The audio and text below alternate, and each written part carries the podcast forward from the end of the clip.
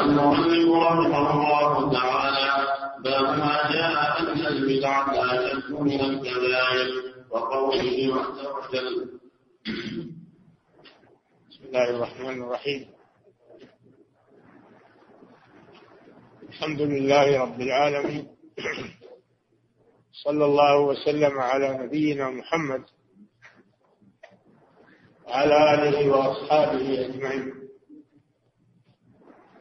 قال رحمه الله باب ما جاء أن البدعة أشد من الكبائر.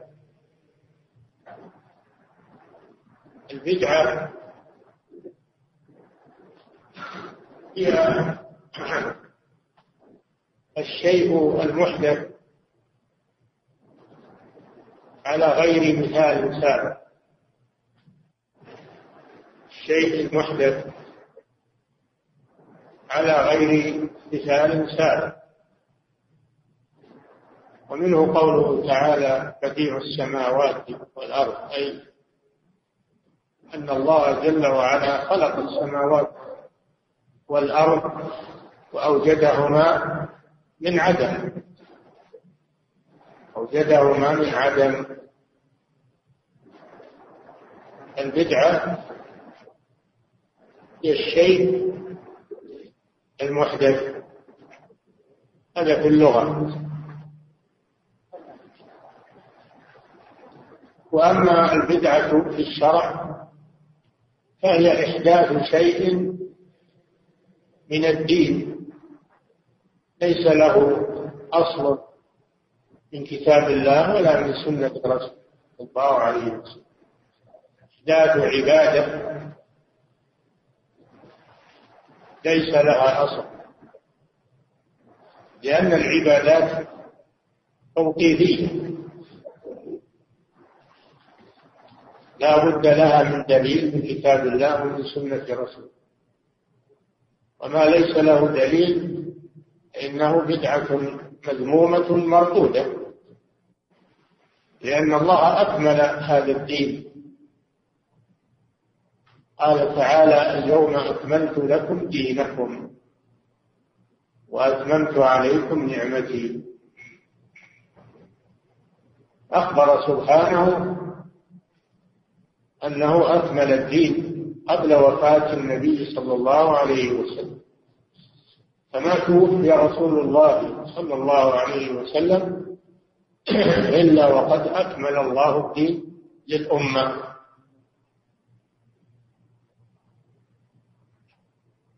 فأي شيء بعد ذلك يحدث فإنه مردود. كما قال صلى الله عليه وسلم من أحدث في أمرنا هذا ما ليس منه فهو رد. وقال عليه الصلاة وفي رواية من عمل عملا ليس عليه أمرنا فهو رد.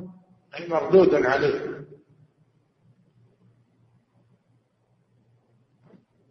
فأحدث في أمرنا أو عمل عملا ليس عليه أمر الرسول صلى الله عليه وسلم. فإنه لا يقبل عند الله. وهو مردود على صاحبه وإن كان صاحبه حسن النية ويريد الأجر هذا لا هذا لا يبرر البدعة. ولو حسن قصد صاحبها أو نوى التقرب إلى الله وقال هذه زيادة خير نقول لا هذه زيادة شر ليست خيرا. الخير بما جاء به رسول الله صلى الله عليه وسلم. ولهذا قال صلى الله عليه وسلم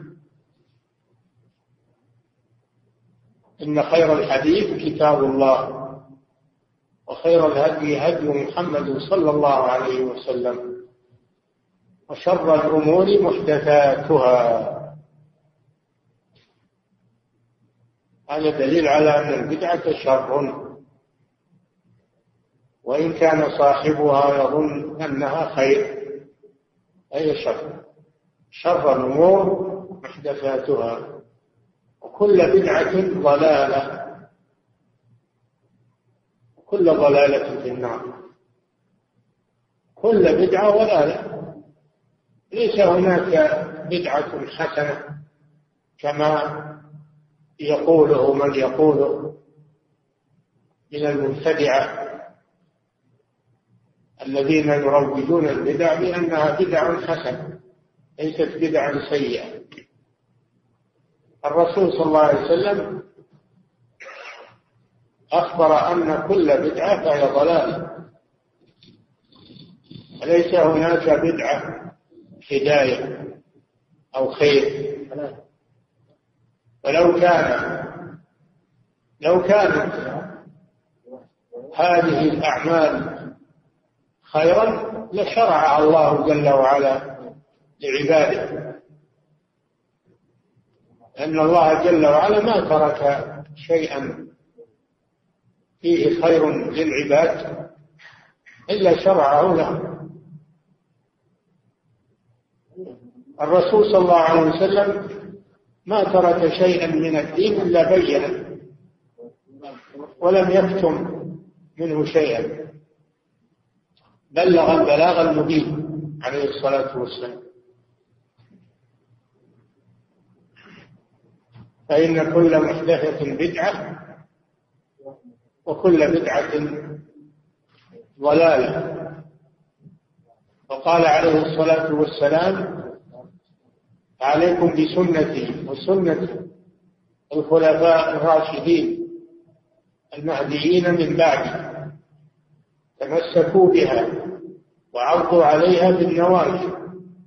وإياكم ومحدثات هذا تحرير. إياكم هذا تحرير.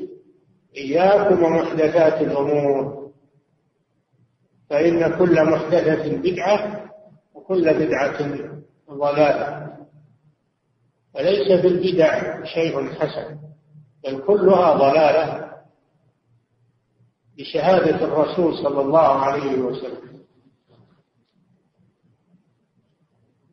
فالذي يأتي بعبادة أو عمل يتقرب به إلى الله ولم يكن عليه دليل من كتاب الله ومن سنة رسوله فإنه بدعة وهو ضلالة وشر.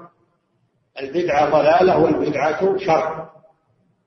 وليس فيها خير. كما يزعم المبتدعة الذين يحدثون أشياء من الأذكار أو من العبادات أو من الصيام أو من الصلوات أو الأدعية أو غير ذلك ويظنون أنه يقربهم إلى الله وأنه مشروع. هذا باطل مردود على صاحبه. فالبدع لا خير فيه. ولا حدث بدعة إلا رفع من مثلها من السنة. والدين كامل ولله الحمد. الذي يريد الخير الدين كامل والباب مفتوح لكل من يريد الخير على طريقة الرسول صلى الله عليه وسلم. أما أنه يأتي بأشياء ليس لها أصل من كتاب الله ولا من سنة رسوله هذه مردودة ولهذا اهتم العلماء رحمهم الله تحذير من البدع وألفوا في ذلك. مؤلفات كثيرة. مطولة ومختصرة. من ذلك كتاب الاعتصام للإمام الشاطبي ومن ذلك البدع والنهي عنها لمحمد بن وضاح. ومن ذلك الباعث على إنكار البدع والحوادث لأبي شامة وغير ذلك من الكتب المطولة والمختصرة. وجاء ذلك في شروح الأحاديث النبوية بيان البدع والتحذير منها. فالبدع شر وأهلها أهل ضلال وهي تحارب السنن. ولذلك تجد المبتدعة يبغضون السنن ويحبون البدع يبتلون والعياذ بالله ينشطون في إحياء البدع. وإذا جاءت السنة تكاسلوا وثقلت عليهم السنن. هذا شيء معروف عن المبتدع أنهم لا ينشطون إلا في البدع ومواسم البدع. أما السنن فإنهم من أكثر الناس عنها وهذا عقوبة لهم من الله سبحانه وتعالى لأن من ترك الحق ابتلي بالباطل. البدع لا يتساهل في شأنها أبدا لأنها خطر على الدين وخطر على المسلمين وبها يزول الدين شيئا فشيئا. تحل محله البدع وهذا ما يريده الشيطان لبني آدم. يريد أن يزحزحهم عن عن الشريعة إلى البدع. هذا ما يريده شياطين الإنس والجن أن يزحزحوا الناس من السنن إلى البدع. فإن بعضهم أو كثيرا منهم له مطامع في هذه الأمور يعيش من ورائها ويتأكل بها. لهم مطامع دنيوية ولهم رئاسة يترأسون بها على الناس. ولو أنهم رضوا ما آتاهم الله ورسوله وقال حسبنا الله ورسوله سيؤتينا الله من فضله. وقالوا حسبنا الله سيؤتينا الله من فضله ورسوله. لا أعزهم الله ولا أغناهم الله. فلا شك أن العز وأن الرفعة في الدنيا والآخرة هي بالتمسك بالسنن وترك البدع. هذا باب عظيم. ينبغي العناية به. باب التحذير من من البدع. والنهي عنها. وبيانها للناس. نعم. باب باب ما أن البدعة أشد من الكبائر البدعة أشد من الكبائر. الكبائر هي الذنوب الكبار. والذنوب تنقسم إلى قسمين كبائر وصغائر. الكبائر ضابطها كل معصية أوجب الله عليها حدا في الدنيا حد الزنا وحد السرقة والقصاص حد الشرب. هذه كبائر. ما, لا ما عليه حد في الدنيا. يقام على من يرتكب. هذا دليل على أنها كبيرة أو أو عليه وعيد في الآخرة. توعد الله من فعل كذا بالنار أو باللعنة أو بالغضب. وهذه الكبائر هذا ضابط الكبيرة ما رتب عليه حد في الدنيا أو وعيد في الآخرة أو ختم بغضب أو لعنة أو تبرأ الرسول صلى الله عليه وسلم من فاعله ليس منا من فعل كذا هذه كبائر. أما ما جاء النهي عنه ولم يرتب عليه شيء من ذلك وإنما هو نهي فقط هذه ذنوب صغائر ذنوب صغائر. الذنوب تنقسم إلى كبائر وصغائر. وأكبر الكبائر الشرك بالله عز وجل. هذا هو أكبر الكبائر. لأن الله أخبر أنه لا يغفر لصاحبه. إن الله لا يغفر أن يشرك به. ويغفر ما دون ذلك لمن يشاء.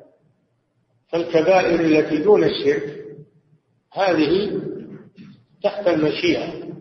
إن شاء الله غفر لصاحبها وإن شاء عذبه بها. ويغفر ما دون ذلك لمن يشاء. ومرتكب الكبيرة دون الشرك لا يكفر عند أهل السنة والجماعة وإنما يكون ناقص الإيمان أو يكون فاسقا.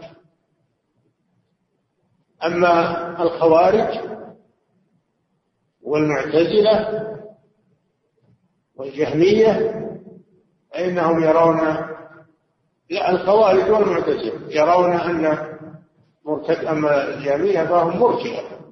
الجهمية مرجئة ما تضر عندهم المعاصي. لكن الخوارج والمعتزلة يرون أن مرتكب الكبيرة خارج من الإسلام. الخوارج يكفرونه ويخلدونه في النار. والمعتزلة يقولون هو في المنزلة بين المنزلتين لا هو بمسلم ولا بكافر. فإن مات ولم يتب فهو مخلد في النار كما تقوله الخوارج. أما أهل السنة والجماعة فيقولون إنه تحت المشيئة هو ليس بكافر ولكنه ناقص الإيمان أو فاسق بإيمانه. أو مؤمن بإيمانه فاسق بكبيرته لكنه لا يخرج من الإسلام ومتعرض متعرض للوعيد الذي توعد الله به. البدعة أشد من الكبائر أشد من الكبائر من وجه أن أن البدعة إحداث في الدين. لم يشرعه الله. صاحبها يظن أنها من الدين. أما مرتكب الكبيرة فلا يدعي أن ما فعله من الدين. يعترف أنه, أنه عاصي. يعترف أنه عاصي. وأنه مخالف. لكن قادته الشهوة وقع في المعصية. ولا يدعي أن هذا دين. بخلاف المبتدع فهو يرى أن هذا من الدين. لذلك صارت البدعة أشد من الكبيرة. وكذلك صاحب الكبيرة يعرف أنه مخطئ ويرجى أن يتوب. يرجى أن يتوب بخلاف صاحب البدعة فلا يعترف أنه مخطئ بل يرى أنه مصيب. وأن عمله هذا صحيح. ولذلك قل أن يتوب المبتدع لأنه يرى أنه على حق.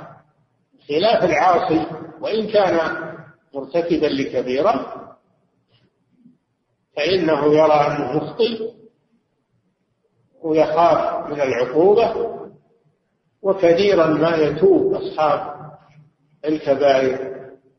هذا وجه كون البدعة أشد من الكبيرة.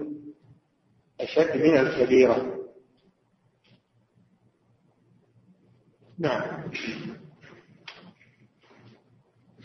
وقوله عز وجل إن الله لا يغفر أن يشرك به ويغفر ما دون ذلك لمن يشاء. نعم. البدعة تكون شركا وتكون دون ذلك. البدعة أقسام منها بدعة شركية. بدعة شركية تخرج من الدين كدعاء غير الله الاستغاثة بالأموات والذبح للقبور. هذه بدعة شركية لا يغفرها الله إلا بالتوبة. لا يغفرها الله إلا بالتوبة فإذا مات عليها فهو مخلد في النار. مخلد في النار إن الله لا يغفر أن يشرك به. الشرك ابتداع. لأن الله جل وعلا خلق الخلق لعبادته. فإذا عبدوا معه غيره فقد أحدثوا في دين الله ما ليس منه هذا هذا أعظم البدع. فالشرك أعظم البدع والعياذ بالله. لأنه شرع دين لم يأذن الله به ولا يرضى به. نعم. وقوله تعالى ومن أظلم ممن افترى على الله كذبا ليضل الناس بغير علم. كذلك من وجود كون البدعة شرا من الكبيرة أن المبتدع أن المبتدع يفتري على الله الكذب. فيقول هذا شرع وهذا دين. هذا دين. وهذا فيه أجر وفيه ثواب. فهو يفتري على الله الكذب. خلاف العاصي فإنه لا يدعي أن هذا دين ولا يدعي. يعرف أنه أنه محرم. يعرف أنه عاصي. أما المبتدع فهو يفتري على الله الكذب حيث يقول أن هذا من الدين. وأن هذا يقرب إلى الله سبحانه وتعالى. أيضا العاصي لا يقتدى به.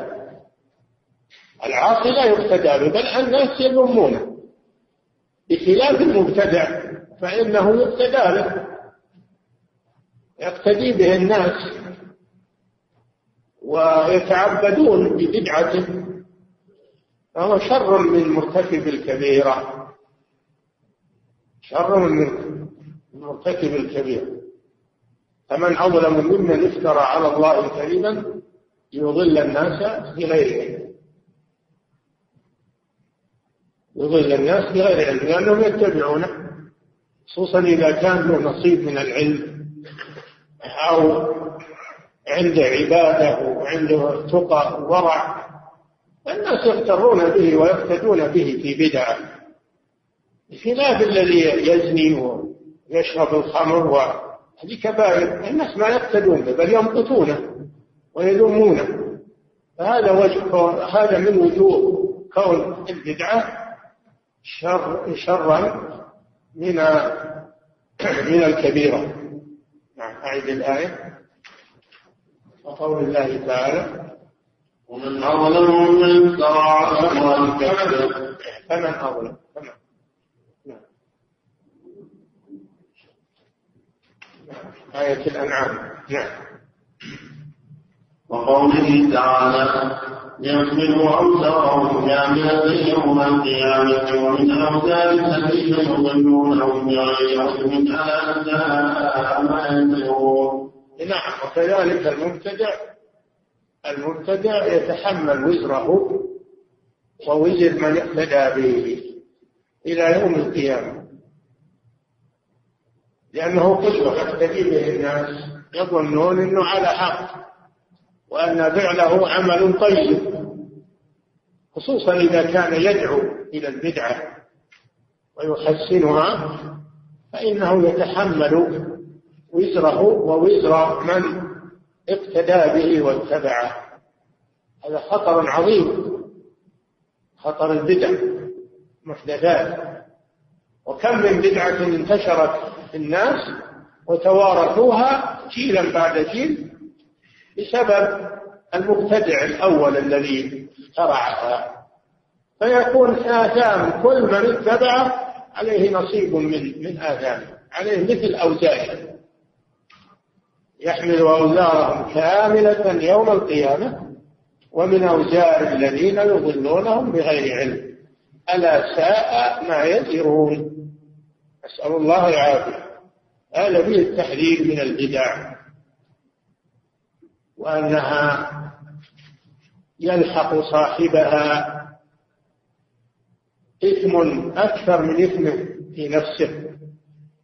بل كل من عمل بهذه البدعة فإنه يلحق صاحبها الأول. يلحقه إثم بها. ولهذا جاء في الحديث ما قتلت نفس ظلما إلا كان على ابن آدم الأول وسر آه، كفل إلا كان على ابن آدم الأول كفل من دمها. لأنه أول من سن القتل الذي قتل أخاه الذي قتل أخاه واتل عليهم. نبأ ابن آدم الذي قتل أخاه ظلما وعدوانا. هو أول من سن القتل. إذا كل من قتل نفسا بغير حق يلحق ابن آدم الأول كفل من دمها والعياذ بالله. هذا فيه التحذير من البدع المحدثات. نعم. ومستقيم أنه صلى الله عليه وسلم قال عليه أينما لقيتموهم فاقتلوهم لئن لقيتم لأقتلنهم قتل نعم ومن البدع بدعة الخوارج بدعة الخوارج. والخوارج هم الذين يخرجون على ولاة أمور المسلمين. يخلعون السمع والطاعة ويخرجون عليهم بالسيف هؤلاء هم الخوارج.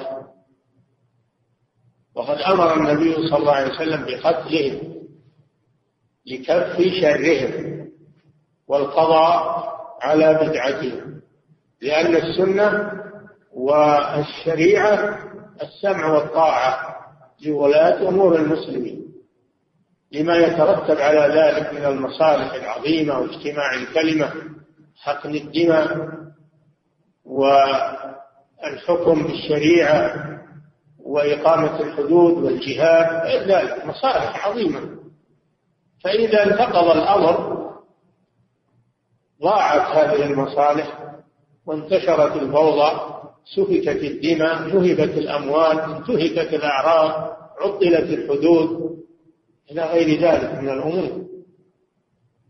فالاجتماع والسمع والطاعة هذا أمر فرض على المسلمين لأجل قيام مصالح الدنيا ومصالح الدين. السمع والطاعة والجماعة. أما من خرج عن هذا فإنه ابتدع في دين الله ما ليس منه. وإن كانوا يظنون أنهم ينكرون المنكر وأنهم يجاهدون في سبيل الله فإنهم في الحقيقة مبتدعة وخارجون عن شرع الله عز وجل.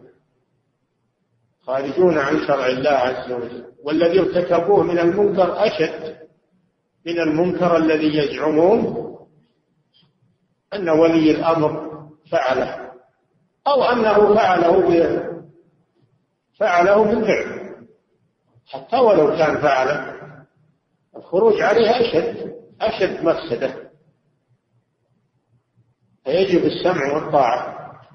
وأول بذرة الخوارج في عهد النبي صلى الله عليه وسلم حينما قال ابن الخويصرة للرسول صلى الله عليه وسلم اعدل فإنك لم تعدل. فقال الرسول صلى الله عليه وسلم ويلك من يعدل إذا لم أعدل لما ذهب الرجل قال يخرج من ضئضئ هذا قوم تحقرون صلاتكم إلى صلاتهم عبادتكم إلى عبادتهم يخرجون من الدين يمرقون من الدين كما يبرق السهم من الرمية فأينما لقيتموهم فاقتلوهم لئن أدركتهم لأقتلنهم قتل عاد. عاد الأمة المعروفة قوم هود. الله قتلهم شر قتله لأن سلط عليهم الريح العقيم.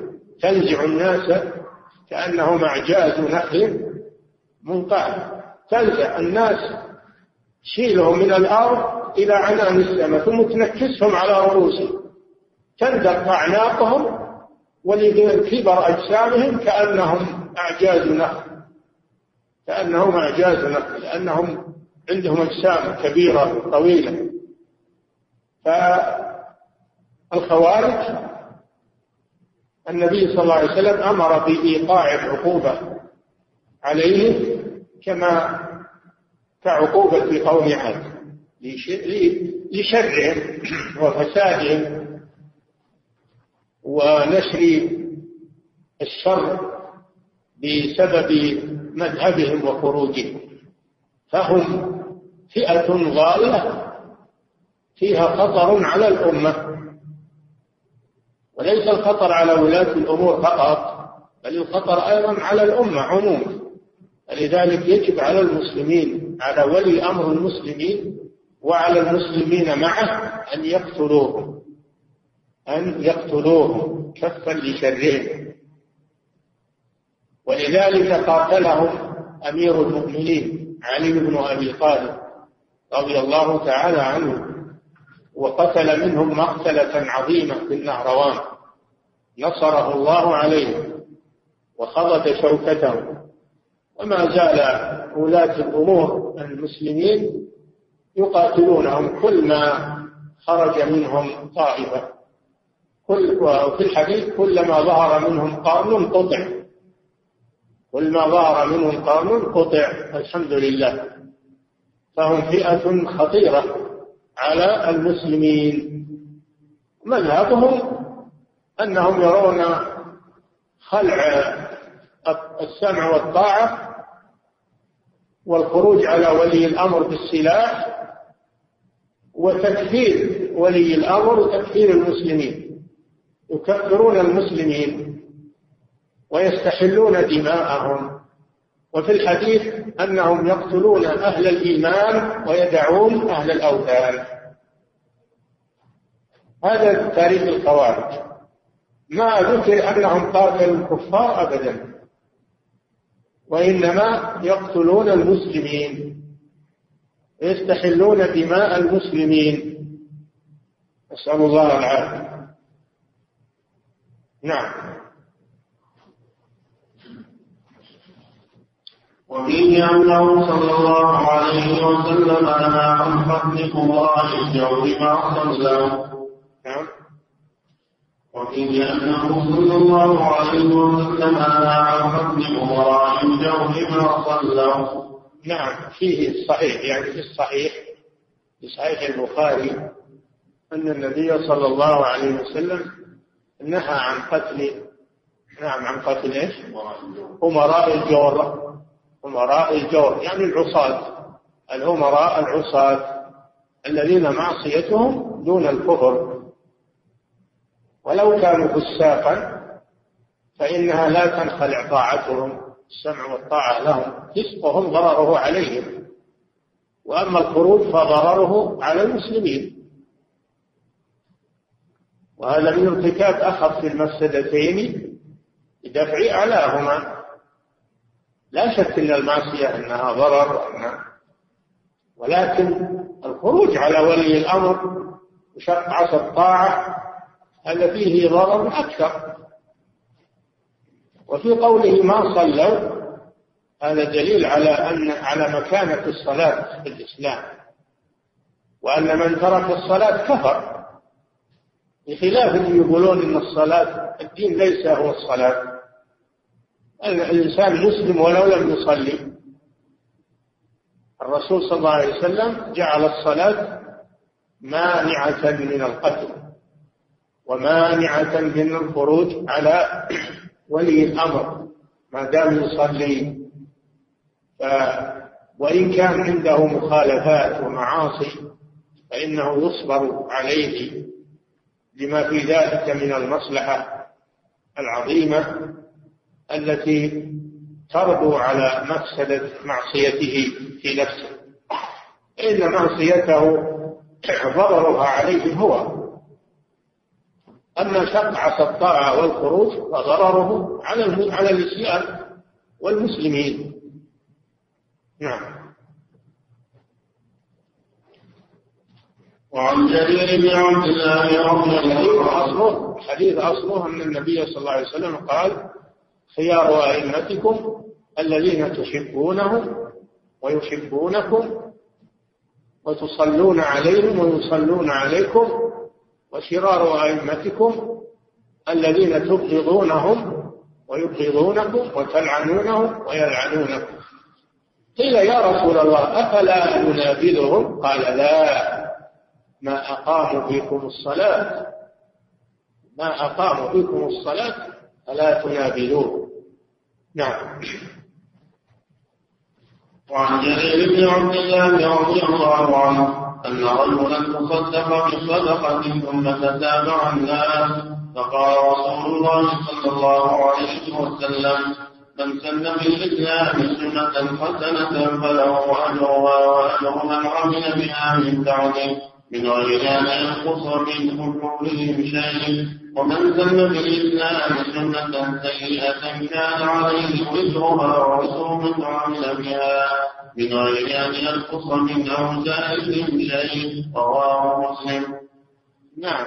جاء قوم من مضر إلى النبي صلى الله عليه وسلم. بدأ عليهم الفقر والحاجة والملابس التي لا تسترهم. فالنبي صلى الله عليه وسلم رق لهم أنه كان عليه الصلاة والسلام نبي الرحمة. فرق لهم صلى الله عليه وسلم لما رأى من حالهم وبؤسهم وفقرهم. ثم نادى بالصلاة فاجتمع الناس. ثم خطب صلى الله عليه وسلم. وحث على الصدقة ورغب فيها. فجاء رجل يعني جاء جعل الناس يتصدقون اللي تصدق بالقبضة من الطعام واللي تصدق بكذا وكذا. حتى جاء رجل معه سرة من الذهب. كادت يده أن تعجز عنه. فوضعها بين يدي الرسول صلى الله عليه وسلم. فتهلل وجه الرسول صلى الله عليه وسلم وسر بذلك سرورا عظيما. وتتابع الناس لما رأوا هذا الرجل نشطوا على الصدقة وتتابعوا في الصدقة حتى اجتمع قوم من الصدقات عند الرسول صلى الله عليه وسلم. فقال صلى الله عليه وسلم من سن في الإسلام سنة حسنة فله أجرها وأجر من عمل بها لأن هذا الرجل سن سنة حسنة. واقتدى به الناس وتصدقوا ومعنى سن في الإسلام سنة حسنة يعني أحيا أحيا سنة. لأن الصدقة سنة فهذا الرجل أحياها أحياها وأتى بمال كثير فالناس تشجعوا وتتابعوا للصدقة فكان هو السبب في هذا.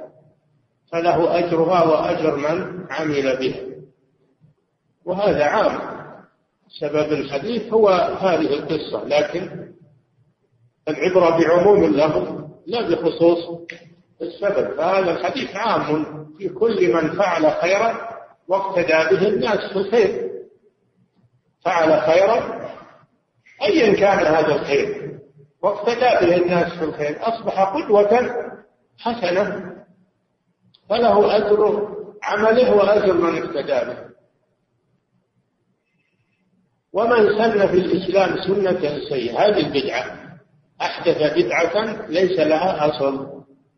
سن في الإسلام سنة سيئة. فعليه وزرها ووزر من عمل بها. لا ينقص ذلك من أوزارهم شيئا. فهذا فيه التحذير من البدع. فيه الحث على إحياء السنن. لأن الرسول صلى الله عليه وسلم أثنى على هذا الذي أحيا هذه السنة. وفيه التحذير من إحياء البدع وإحداث البدع. وأن شرها لا يقتصر على من فعلها. بل يذهب آه، قسط منه إلى من أحدث هذه البدعة. طال الزمن أو قصر. هذا فيه التحذير من البدع وأنها سنن سيئة. والمراد بالسنة هنا الطريقة. السنة هي الطريقة. السنة يعني لغوية هي الطريقة. نعم. وله مثله من حديث أبي هريرة وله من دعا إلى هدى ثم قال من دعا إلى ضلاله نعم في حديث آخر من دعا إلى هدى كان له من الأجر مثل أجور من تبعه لا ينقص ذلك من أجورهم شيئا. ومن دعا إلى ضلاله كان عليه من الإثم مثل آثام من تبعه لا ينقص من آثامهم شيئا. فهذا فيه فضل الدعوة إلى الله عز وجل والأمر بالمعروف والنهي عن المنكر وأن الأجر يحصل لمن فعل ذلك يحصل له أجره ويحصل له من أجور من اقتدوا به وساروا على منهجه إلى يوم القيامة. الله جل وعلا يقول ومن أحسن قولا ممن دعا إلى الله وعمل صالحا وقال إنني من المسلمين. دعوة إلى الله فضلها عظيم خيرها كثير وهي سنة الرسول صلى الله عليه وسلم. قل هذه سبيلي أدعو إلى الله على بصيرة أنا ومن اتبعني. وسبحان الله وما أنا من المشركين. وأما الذي يدعو إلى الضلال يدعو إلى البدع المحدثات يدعو إلى عبادة القبور والأضرحة يدعو إلى التزهيد في الدين مثل ما هو حاصل الآن التزهيد في الدين والترغيب في البدع والمعاصي والمخالفات فعليه إثمه وإثم من اقتدى به وسلك منهجه إلى يوم القيامة. هذا فيه التحذير من دعاة الضلال. ويدخل في هذا الدعاة إلى البدعة.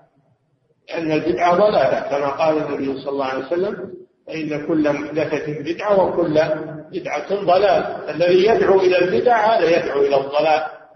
يكون عليه إثم وإثم من من اقتدى به. نعم. باب ما جاء أن الله سجد التوبة على صاحب البدعة. نعم. هذا كما سبق. في بيان الوجوه التي تكون البدعة شرا من الكبيرة.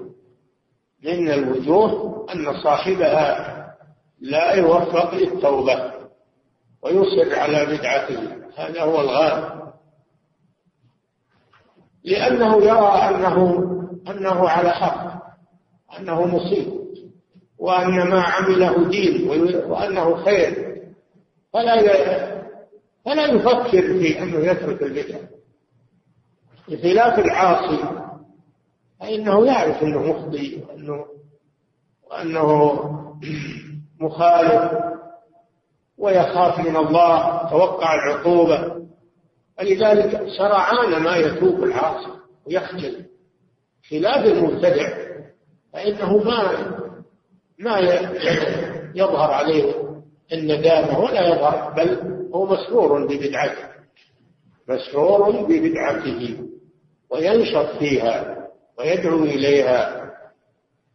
فهذا من مساوي البدع أن صاحبها لا يوفق للتوبة بخلاف مرتكب الكبيرة فإنه كثيرا ما يوفق للتوبة.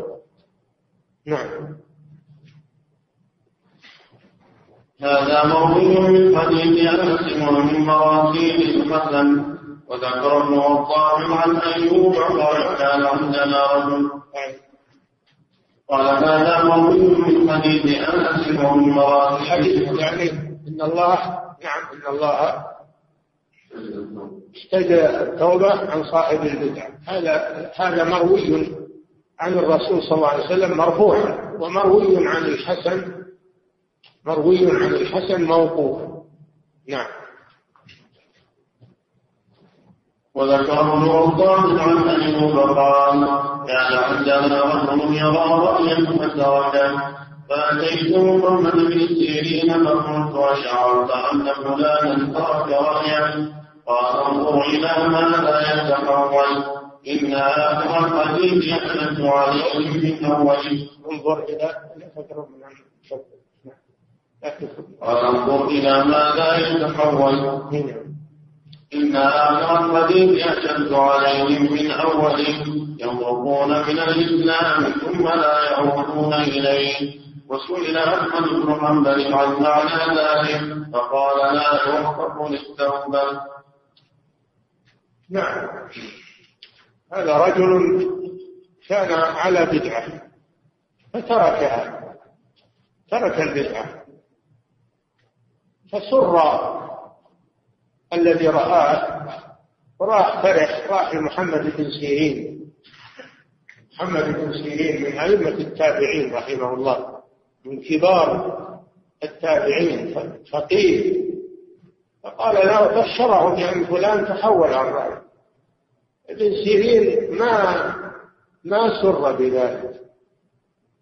قال انظر إلى ماذا يتحول لأنه ما هو ما هو تارك البدعة وجاي يسلمها ما هو راح إلا البدعه الثانية هذا من فقه رحمه الله. لماذا؟ لأن الرسول صلى الله عليه وسلم قال يمرقون من الدين ثم لا يعودون إليه. ابن سيرين ما توقع منه إنه تاب من البدعة ولكن توقع منه إنه يخرج من بدعة إلى بدعة اشر منها. لقوله صلى الله عليه وسلم يمرقون من الدين ثم لا يعودون إليه. هذا هو الوجه الرابع لأن المبتدع لا يتوب. المبتدع لا يتوب ثم لا يعودون إليه. دل على أن المبتدع لا يتوب. وهذا هو الغالب عليه. الآن لو تصيح الليل والنهار وتحدي وتنزل ما تحولوا عن بدعته أبدا. هذا شيء مشاهد. ما يتحولون عن البدع سبحان الله. لأنهم يرون أنهم على حق وعلى صواب. يزين لهم الشيطان هذا. فلا يرون أنهم على خطأ. الإنسان إذا ما اعترف بالخطأ إنه يبتلى بما هو أشد. وهذا شأن المبتدع هذا من فقه الإمام محمد بن سيرين رحمه الله أنه ما توقع أن الرجل يتوب من البدع لكن توقع منه أنه سيذهب إلى بدعة أشد. وذلك أخذا من قول الرسول صلى الله عليه وسلم يمرقون من الدين ثم لا يعودون إليه. الرسول لا ينطق عن الأرض. ولا بد أن يقع ما أخبر به صلى الله عليه وسلم. نعم.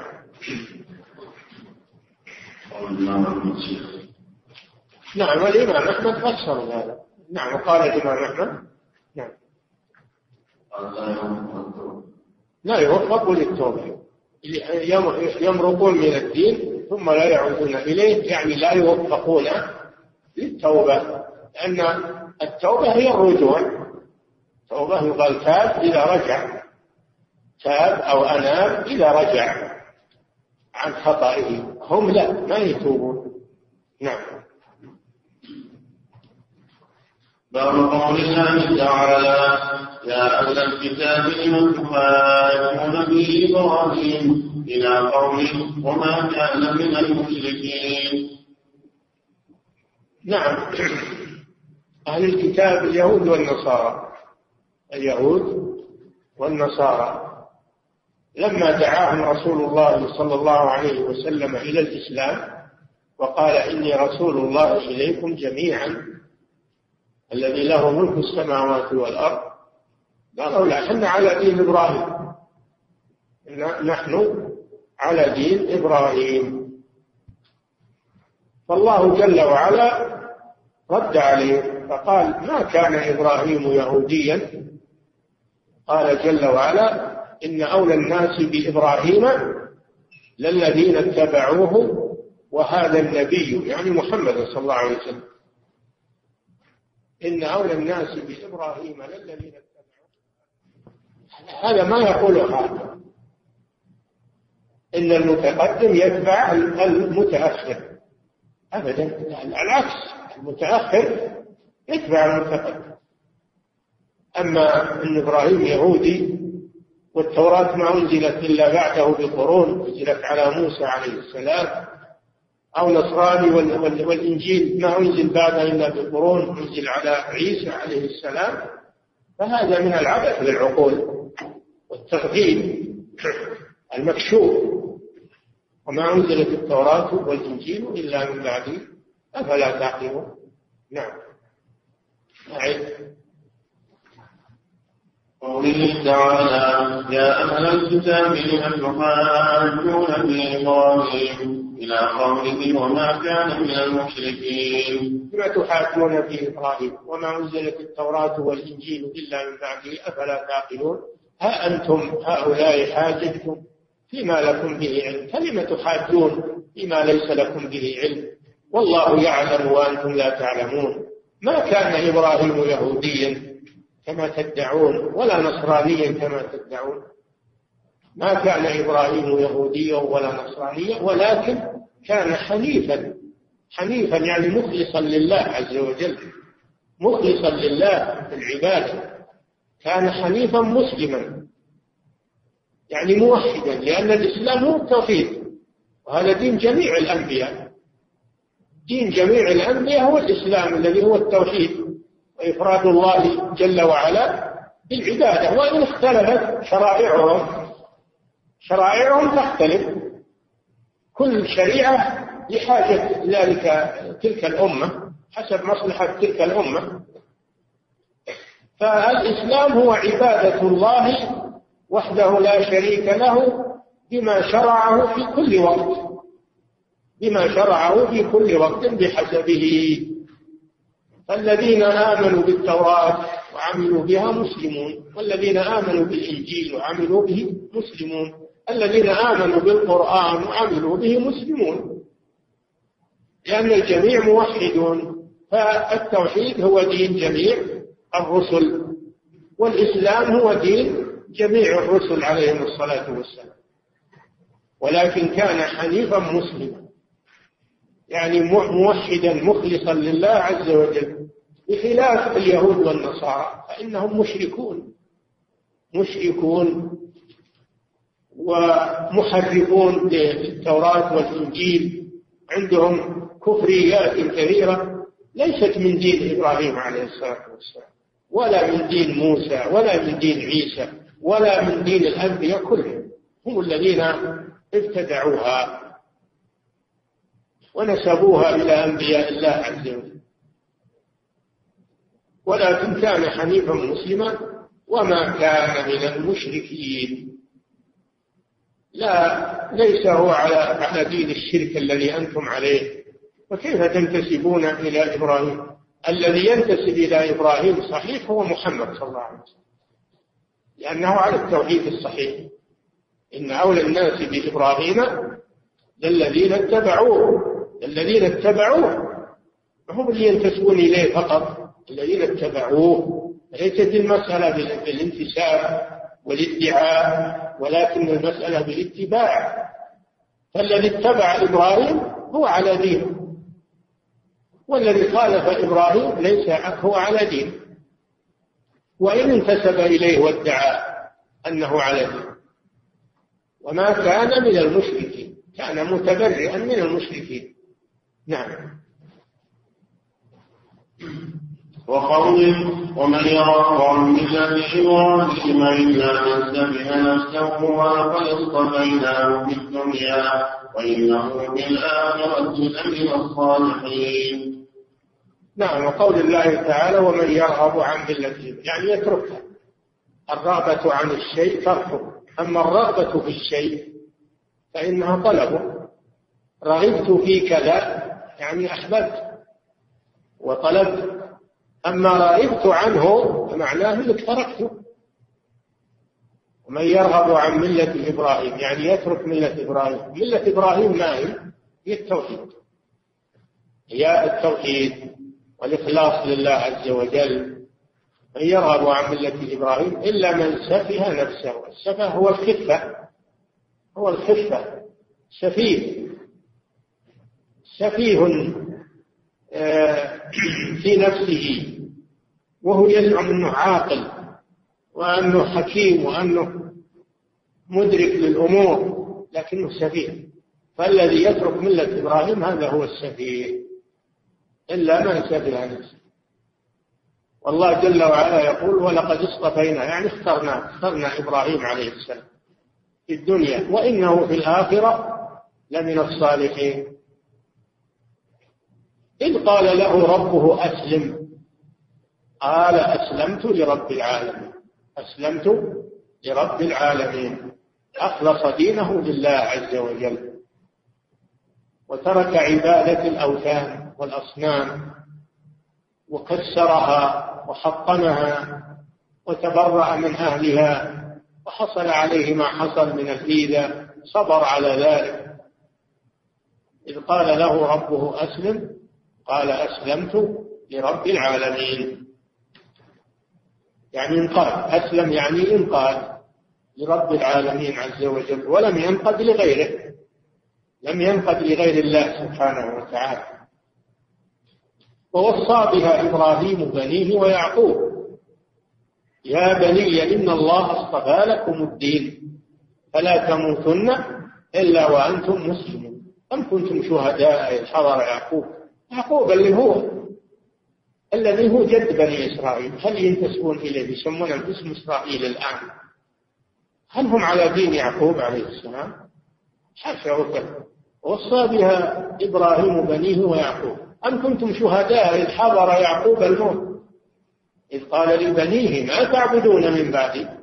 قالوا نعبد إلهك وإله آبائك إبراهيم وإسماعيل وإسحاق إلها واحدا. ونحن له مسلمون.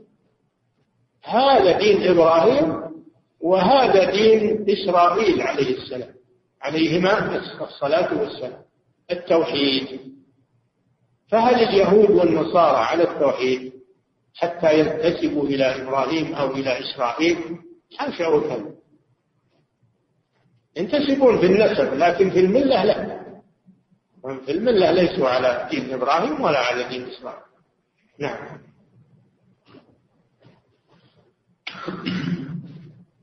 وفيه حديث الخوارج وقد تقدم.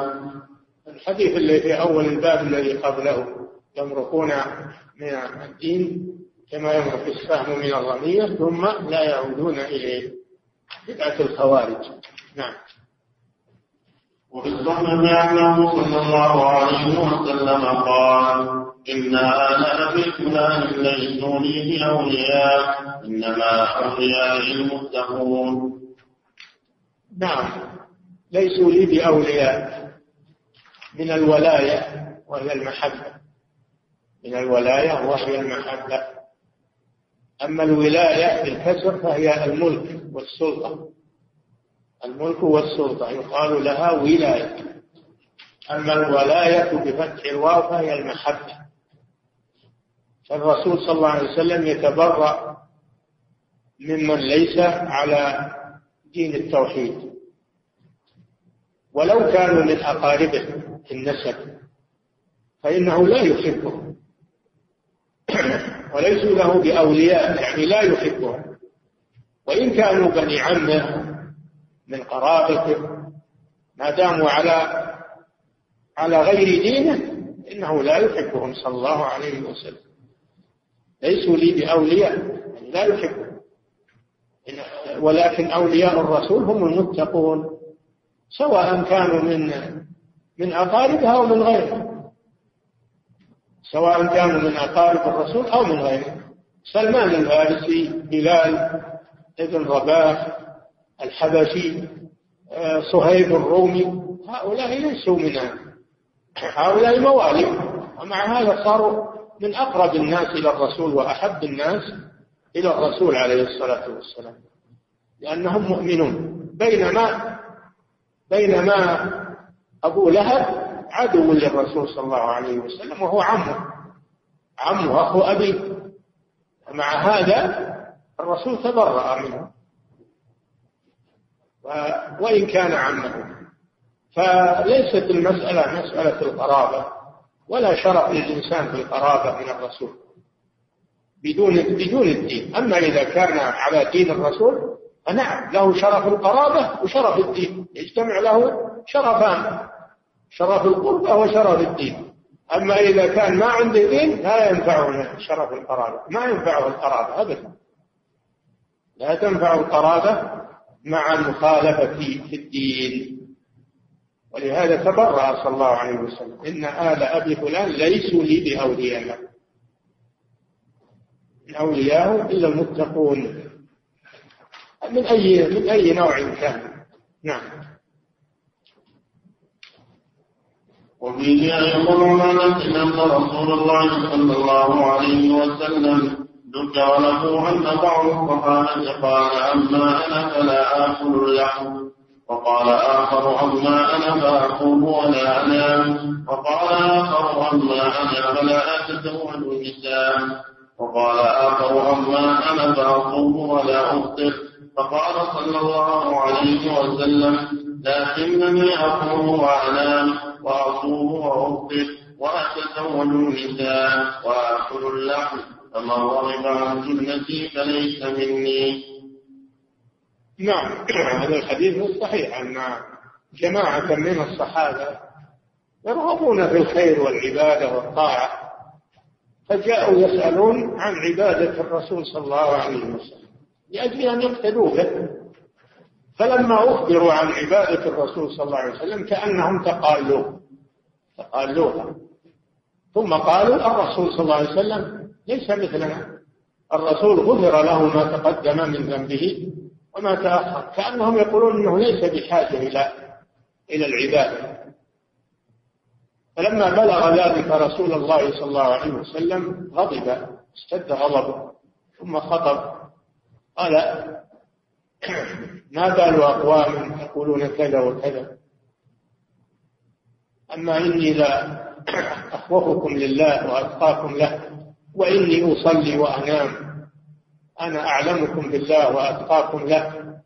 أما إني أصلي وأنام وأصوم وأفطر وأتزوج النساء وآكل اللحم ومن رغب عن سنتي فليس مني. فهذا فيه التحذير من الغلو. فيه التحذير من الغلو في العبادة وهو الزيادة التشديد على النفس. الدين وسط ولله الحمد واعتدال فلا تشق على نفسك وتحملها ما لا تطيق. الرسول حذر من الغلو في أحاديث كثيرة وهي الزيادة في العبادة. بل عليك أن ترفق بنفسك وأن والإنسان إذا اقتصد في العبادة توسط فيها فإنه يداوم عليها. أما إذا اشتد في العبادة فإنه يتركها يمل ويتركها. هذا شيء معروف. قال صلى الله عليه وسلم إن المبت لا أرضا قطع ولا ظهرا أبقى. يترك العبادة الإنسان بشر ما يتحمل. إذا شدد على نفسه ما استطاع. في النهاية يترك نعم وهذا مشاهد يا إخوان. في ناس رأيناهم يتشددون في النهاية انحلوا من الدين. والله إن هذا واقع. في ناس عرف عنهم التشدد من الشباب والغلو. وفي النهاية صاروا الآن منحرفين عن الدين. هذه آفة الغلو والعياذ بالله. أما الاعتدال والتوسط فهذا سبيل إلى الاستمرار سبيل إلى الثبات. لأن هذه سنة الرسول صلى الله عليه وسلم. فهذا فيه الحث على على الاتصال بالعبادة والاقتداء بالرسول صلى الله عليه وسلم وترك الغلو والتشدد لأن هذا بدعة مخالف لسنة الرسول صلى الله عليه وسلم. أو لمن رغب عن سنتي رغب عن سنتي فليس مني. هذه تبرأ الرسول صلى الله عليه وسلم منه. فهذا فيه التحذير من بدعة الغلو وبدعة التشدد. والحث على الاعتدال والتوسط في الأمور كلها ودين وسط أن هذا صراطي مستقيما فاتبعوه. وسط معتدل. هذا هو السبيل الصحيح طريقة الرسول صلى الله عليه وسلم. ولا يتقال للإنسان عمل الرسول صلى الله عليه وسلم. لأنه عليه الصلاة والسلام هو القدوة. لقد كان لكم في رسول الله أسوة حسنة. من كان يرجو الله واليوم الآخر. فلا تساهل ولا غلو ولكن وسطي. لا إفراط ولا تفريط. ودين الله بين الغالي والجافي. بين الغالي المتشدد وبين الجافي المنحل الذي يقول الدين ما هو بالصلاة والعبادة الدين بالقلب ويترك الأعمال. هذا جافي. وكذلك اللي يتشدد في العبادات ويشق على نفسه هذا غالي. والدين هو الوسط الاعتدال. قال الله جل وعلا فاستقم كما أمرت ومن تاب معك ولا تطغوا. شف ولا تطغوا. الطغيان هو التشدد والغلو. فاستقم كما أمرت ومن تاب معك ولا تطغوا الطغيان هو التشدد والغلو والعياذ بالله. نعم. فتأمل إذا كان بعض الصحابة لما أراد التمثل للرجال قيل فيه هذا الكلام الغريب إذا كان بعض الصحابة لما أراد التبتل للعبادة قيل فيه هذا الكلام الغريب وسمي المعروفا والسنة فما ظنك بغير هذا من البدع وما ظنك بغير الصحابة. إذا كان هؤلاء صحابة الصحابة هم خير القرون. ولما هموا بهذه الهمة أنكر عليهم النبي صلى الله عليه وسلم. وغلظ عليهم وهم صحابة. فكيف بغيرهم من متأخر القرون الذين تجاوزوا الحدود في الغلو والتطرف أو في التساؤل والميوعة فالدين هو الاعتدال والوسط ودين الله جل وعلا وسط واعتدال وصراط مستقيم. ليس فيه مشقة على النفوس وليس فيه تساهل وضياع وإنما هو دين سمح. وما جعل عليكم في الدين من حرج. ما يريد الله ليجعل عليكم من حرج. الدين ليس فيه حرج ليس فيه تشدد ولا غلو. كما أنه ليس فيه تساهل و وعدم مبالاة. إنما هو وسط بين الطرفين. هذه هذه ملة محمد صلى الله عليه وسلم. في كل زمان ومكان. الاعتدال دائما وابدا. ولا يبقى الإنسان على الدين إلا بهذه الطريقة. لأنه إن تساهل خرج من الدين. وإن تشدد خرج من الدين. ولا يثبت إلا إذا كان على الوسط. على الوسطية. والاعتدال. نعم. نعم. انتهى الباب والجواب ها؟ فضيلة الشيخ خير الجزاء على هذا الشرح الطيب المبارك. آه، فضيلة الشيخ هذا سائل يقول هل الشرك الأصغر مما لا يغفر أم أن عدم المغفرة متعلق بالشرك الأكبر دون الأصغر قال الله جل وعلا إن الله لا يغفر أن يشرك به. هذا عام بالشرك الأكبر والشرك الأصغر. الشرك الأصغر الصحيح أنه لا يغفر وأنه يعذر صاحبه. لكن ليس كتعذيب صاحب الشرك الأكبر. صاحب الشرك الأكبر يخلد في النار. أما صاحب الشرك الأصغر فهو يعذب لكن لا يخلد في النار. نعم. وهذا يسأل حفظكم الله يقول ما حكم تسمية اليهود الموسويون نسبة إلى موسى عليه السلام؟ ما ينبغي انه يقال الموسويون إلا من كان على دين موسى عليه السلام. ودين موسى هو دين محمد صلى الله عليه وسلم. لأنه ببعثه محمد صلى الله عليه وسلم انتهى دين موسى ودين عيسى وجاء دين محمد صلى الله عليه وسلم. والرسول صلى الله عليه وسلم يقول والله لو كان أخي موسى حيا ما وسعه إلا اتباعي. فلا شك أن الآن ما يقال المسويون يقال الكفار لأن موسى بريء منهم. لما لم يؤمنوا بمحمد صلى الله عليه وسلم فإن موسى بريء منهم وليسوا على دين موسى عليه السلام. نعم. وهل الصحيح أن كلمة اليهود تنكر فيقال يهود؟ لا هذا الأمر سهل يقال يهود أو اليهود الأمر في هذا سهل قد اختلف العلماء في وجه تسميتهم اليهود. وقيل انه اخذا من قوله انا هدنا إليك يعني تبنا انا هدنا إليك يعني تبنا الهود هو التوبة. وقيل انه ماخوذ من يهوذا ابن ابن إسرائيل ابن يعقوب. لأن ينتسبون إلى يهوذا ابن يعقوب. نعم. هذا يسأل حفظكم الله يقول يدور بين بعض الشباب الحديث حول هؤلاء الذين أفسدوا في البلاد ويقولون انظروا فهذا أحدهم بعد قتله يبتسم وهذا وجهه أبيض بعد موته وهذا لم يتغير جسده بعد موته إلى آخره. فكيف يرد على مثل هذا الكلام؟ نقول العبرة بأعمالهم ليست العبرة بوجوههم ولا العبرة بأعمالهم. هل أعمالهم طيبة ولا خبيثة؟ أعمالهم ما أحد يقول إنها طيبة بل هي أعمال خبيثة. فنحن ننظر إلى أعمالهم ونحن نحكم عليهم من أعمالهم وأقوالهم. أما كون وجوههم كذا وهذا الله أعلم بأمور الآخرة وأمور البرزخ. الله أعلم بها. نعم. هذا السائل يقول ما حكم عمل حوار تعليمي مكتوب بأسماء مستعارة؟ إيش؟ ما حكم عمل حوار تعليمي مكتوب بأسماء مستعارة؟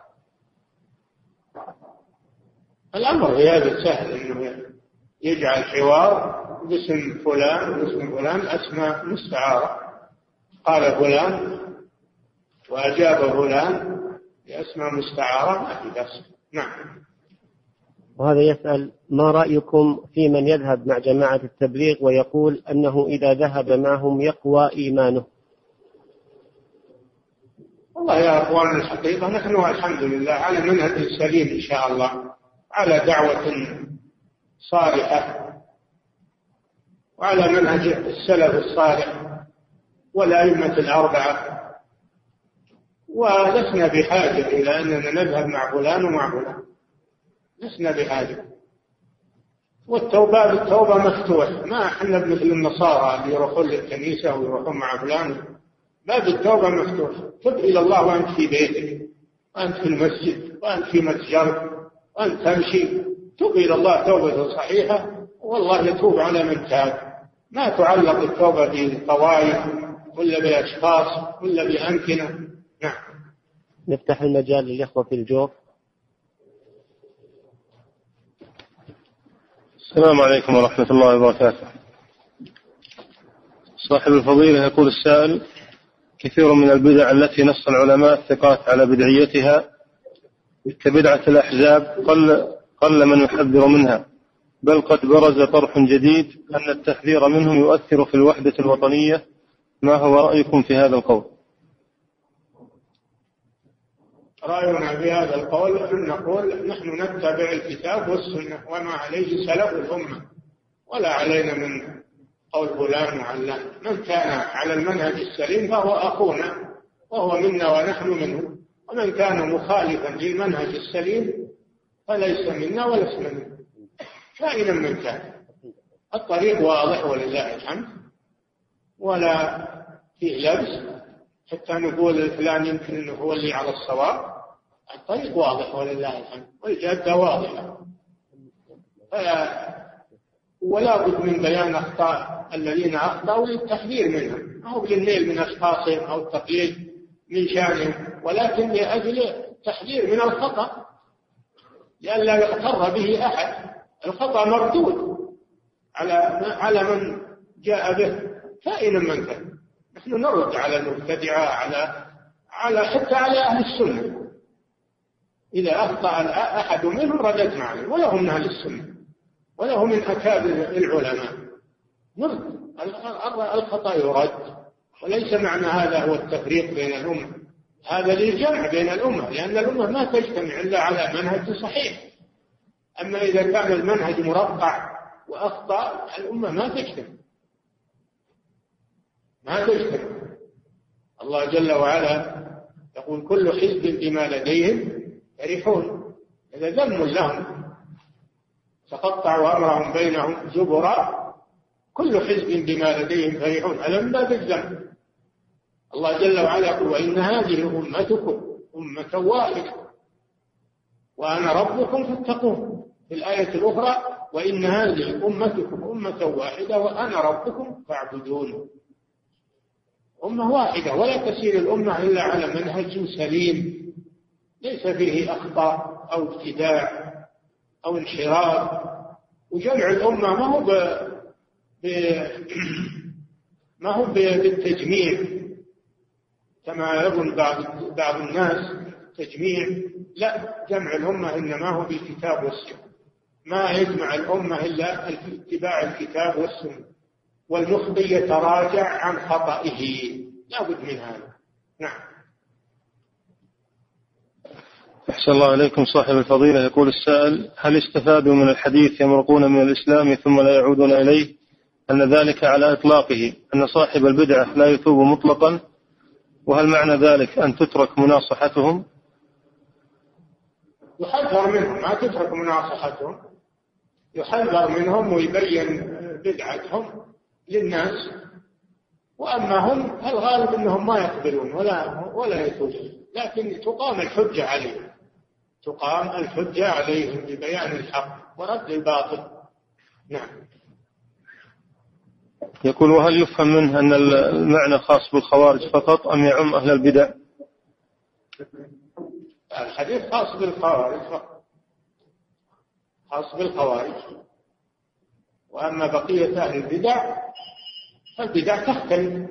منها ما هو مكفر ومنها ما هو مضلل. ومنها ما هو مفسق ومنها ما هو معصية فقط. البدع تختلف. ما هو المبتدعة على حد سواء وكل له حكمه نعم. أحسن الله عليكم صاحب الفضيلة. يقول السائل كثير من الإخوة ينتهج نهج العلماء في التعامل مع المخالفين مثل الهدوء وعدم إثارة القلاقل ومحاولة احتواء المخالف والتحذير من الأخطاء إلا أن البعض لا يرون له ذلك فيصم هؤلاء بالتمييع في التعامل مع أهل البدع. ما رأي فضيلتكم في ذلك؟ الواجب تمسك بالطريق الصحيح وبيان المنهج السليم ونشر العلم النافع والتواصي بالحق.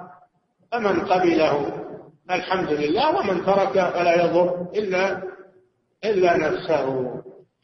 نفتح المجال في ما في شك ان إن استعمال الحكمة مع المخالف لعله يرجع لعله يقبل استعمال الحكمة. طيب الله جل وعلا يقول ادعو إلى سبيل ربك بالحكمة.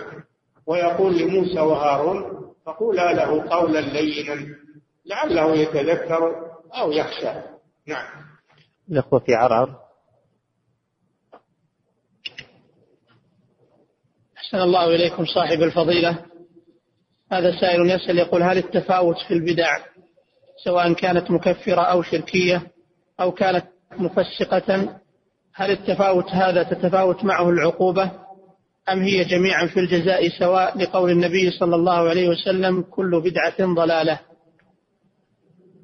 هي كلها ضلال البدع كلها ضلال حتى البدع الصغائر كلها ضلال والضلال يختلف. الضلال يختلف. منه ضلال كبير وشديد ومنه ضلال متوسط ومنه ضلال دون ذلك. الضلال يختلف. نعم. وهذا سائل يسأل حفظكم الله يقول هل يجوز الترحم على أصحاب البدع الذين ماتوا على بدعهم؟ إذا كانت بدعهم لا تصل إلى حد الكفر فهم مسلمون. يدعى لهم ويستغفر لهم. أما إذا وصلت إلى حد الكفر فلا. نعم. أحسن الله إليكم. سائل يقول هل كل من خرج على الإمام يسمى خارجيا؟ أم أنه لا بد مع ذلك من اعتقاد المسائل التي يقول بها الخوارج كتكفير صاحب الكبيرة والخلود في النار وغير ذلك؟ الخوارج لهم صفات. منها الخروج على ولي الأمر ومنها تكفير بالكبيرة والتكفير بالكبيرة هذا هو الأصل. هم ما خرجوا على ولي الأمر إلا لأنهم كفروا كفروا بارتكاب الكبيرة. فالأصل أنهم يكفرون بارتكاب الكبائر التي دون الشرك ويتفرع على هذا خروجهم على ولي الأمر ويتفرع على هذا استحلاله لدماء المسلمين كله مترتب على أنهم يكفرون بالكبيرة. هذا مذهبهم وسبب ضلالهم هو التكفير بالكبيرة نسأل الله العافية. نعم.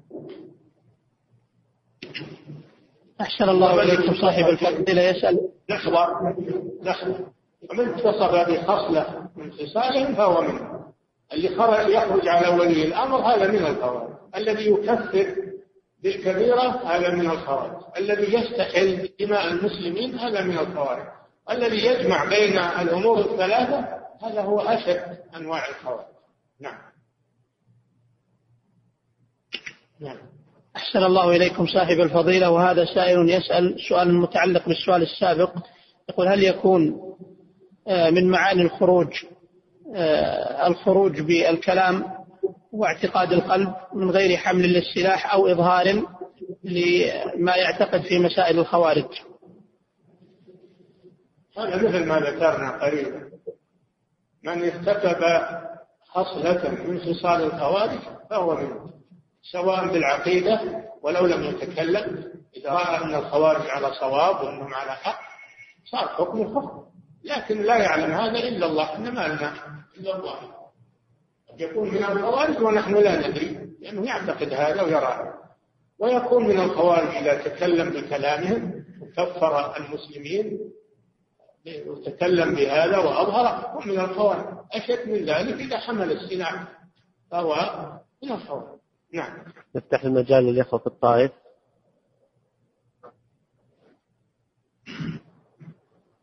يكون فضيلة الشيخ إلى أن اسم يقسمون الشيعة الجميع يخرجون من الإسلام.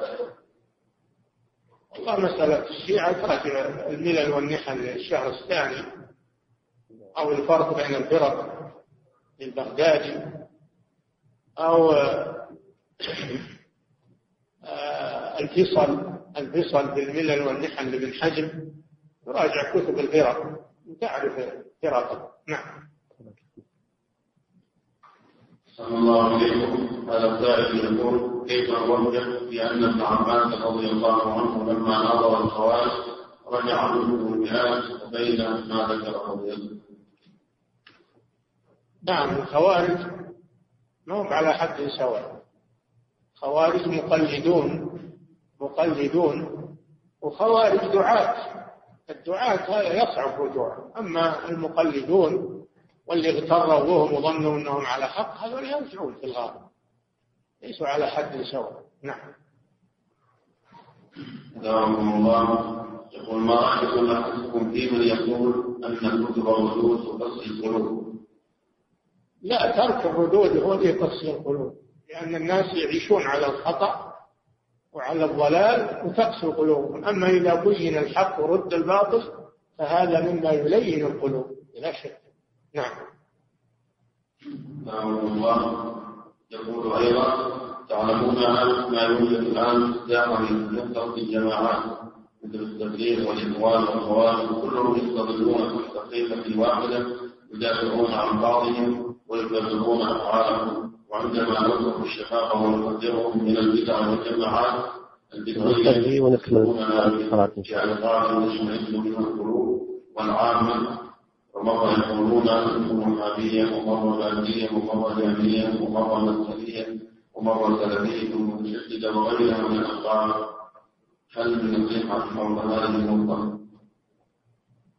أولا تسرع بالحكم على الناس أنهم الله أكبر الله أكبر. أشهد أن لا إله إلا الله أشهد أن محمد رسول الله. حي على الصلاة حي على الفلاح.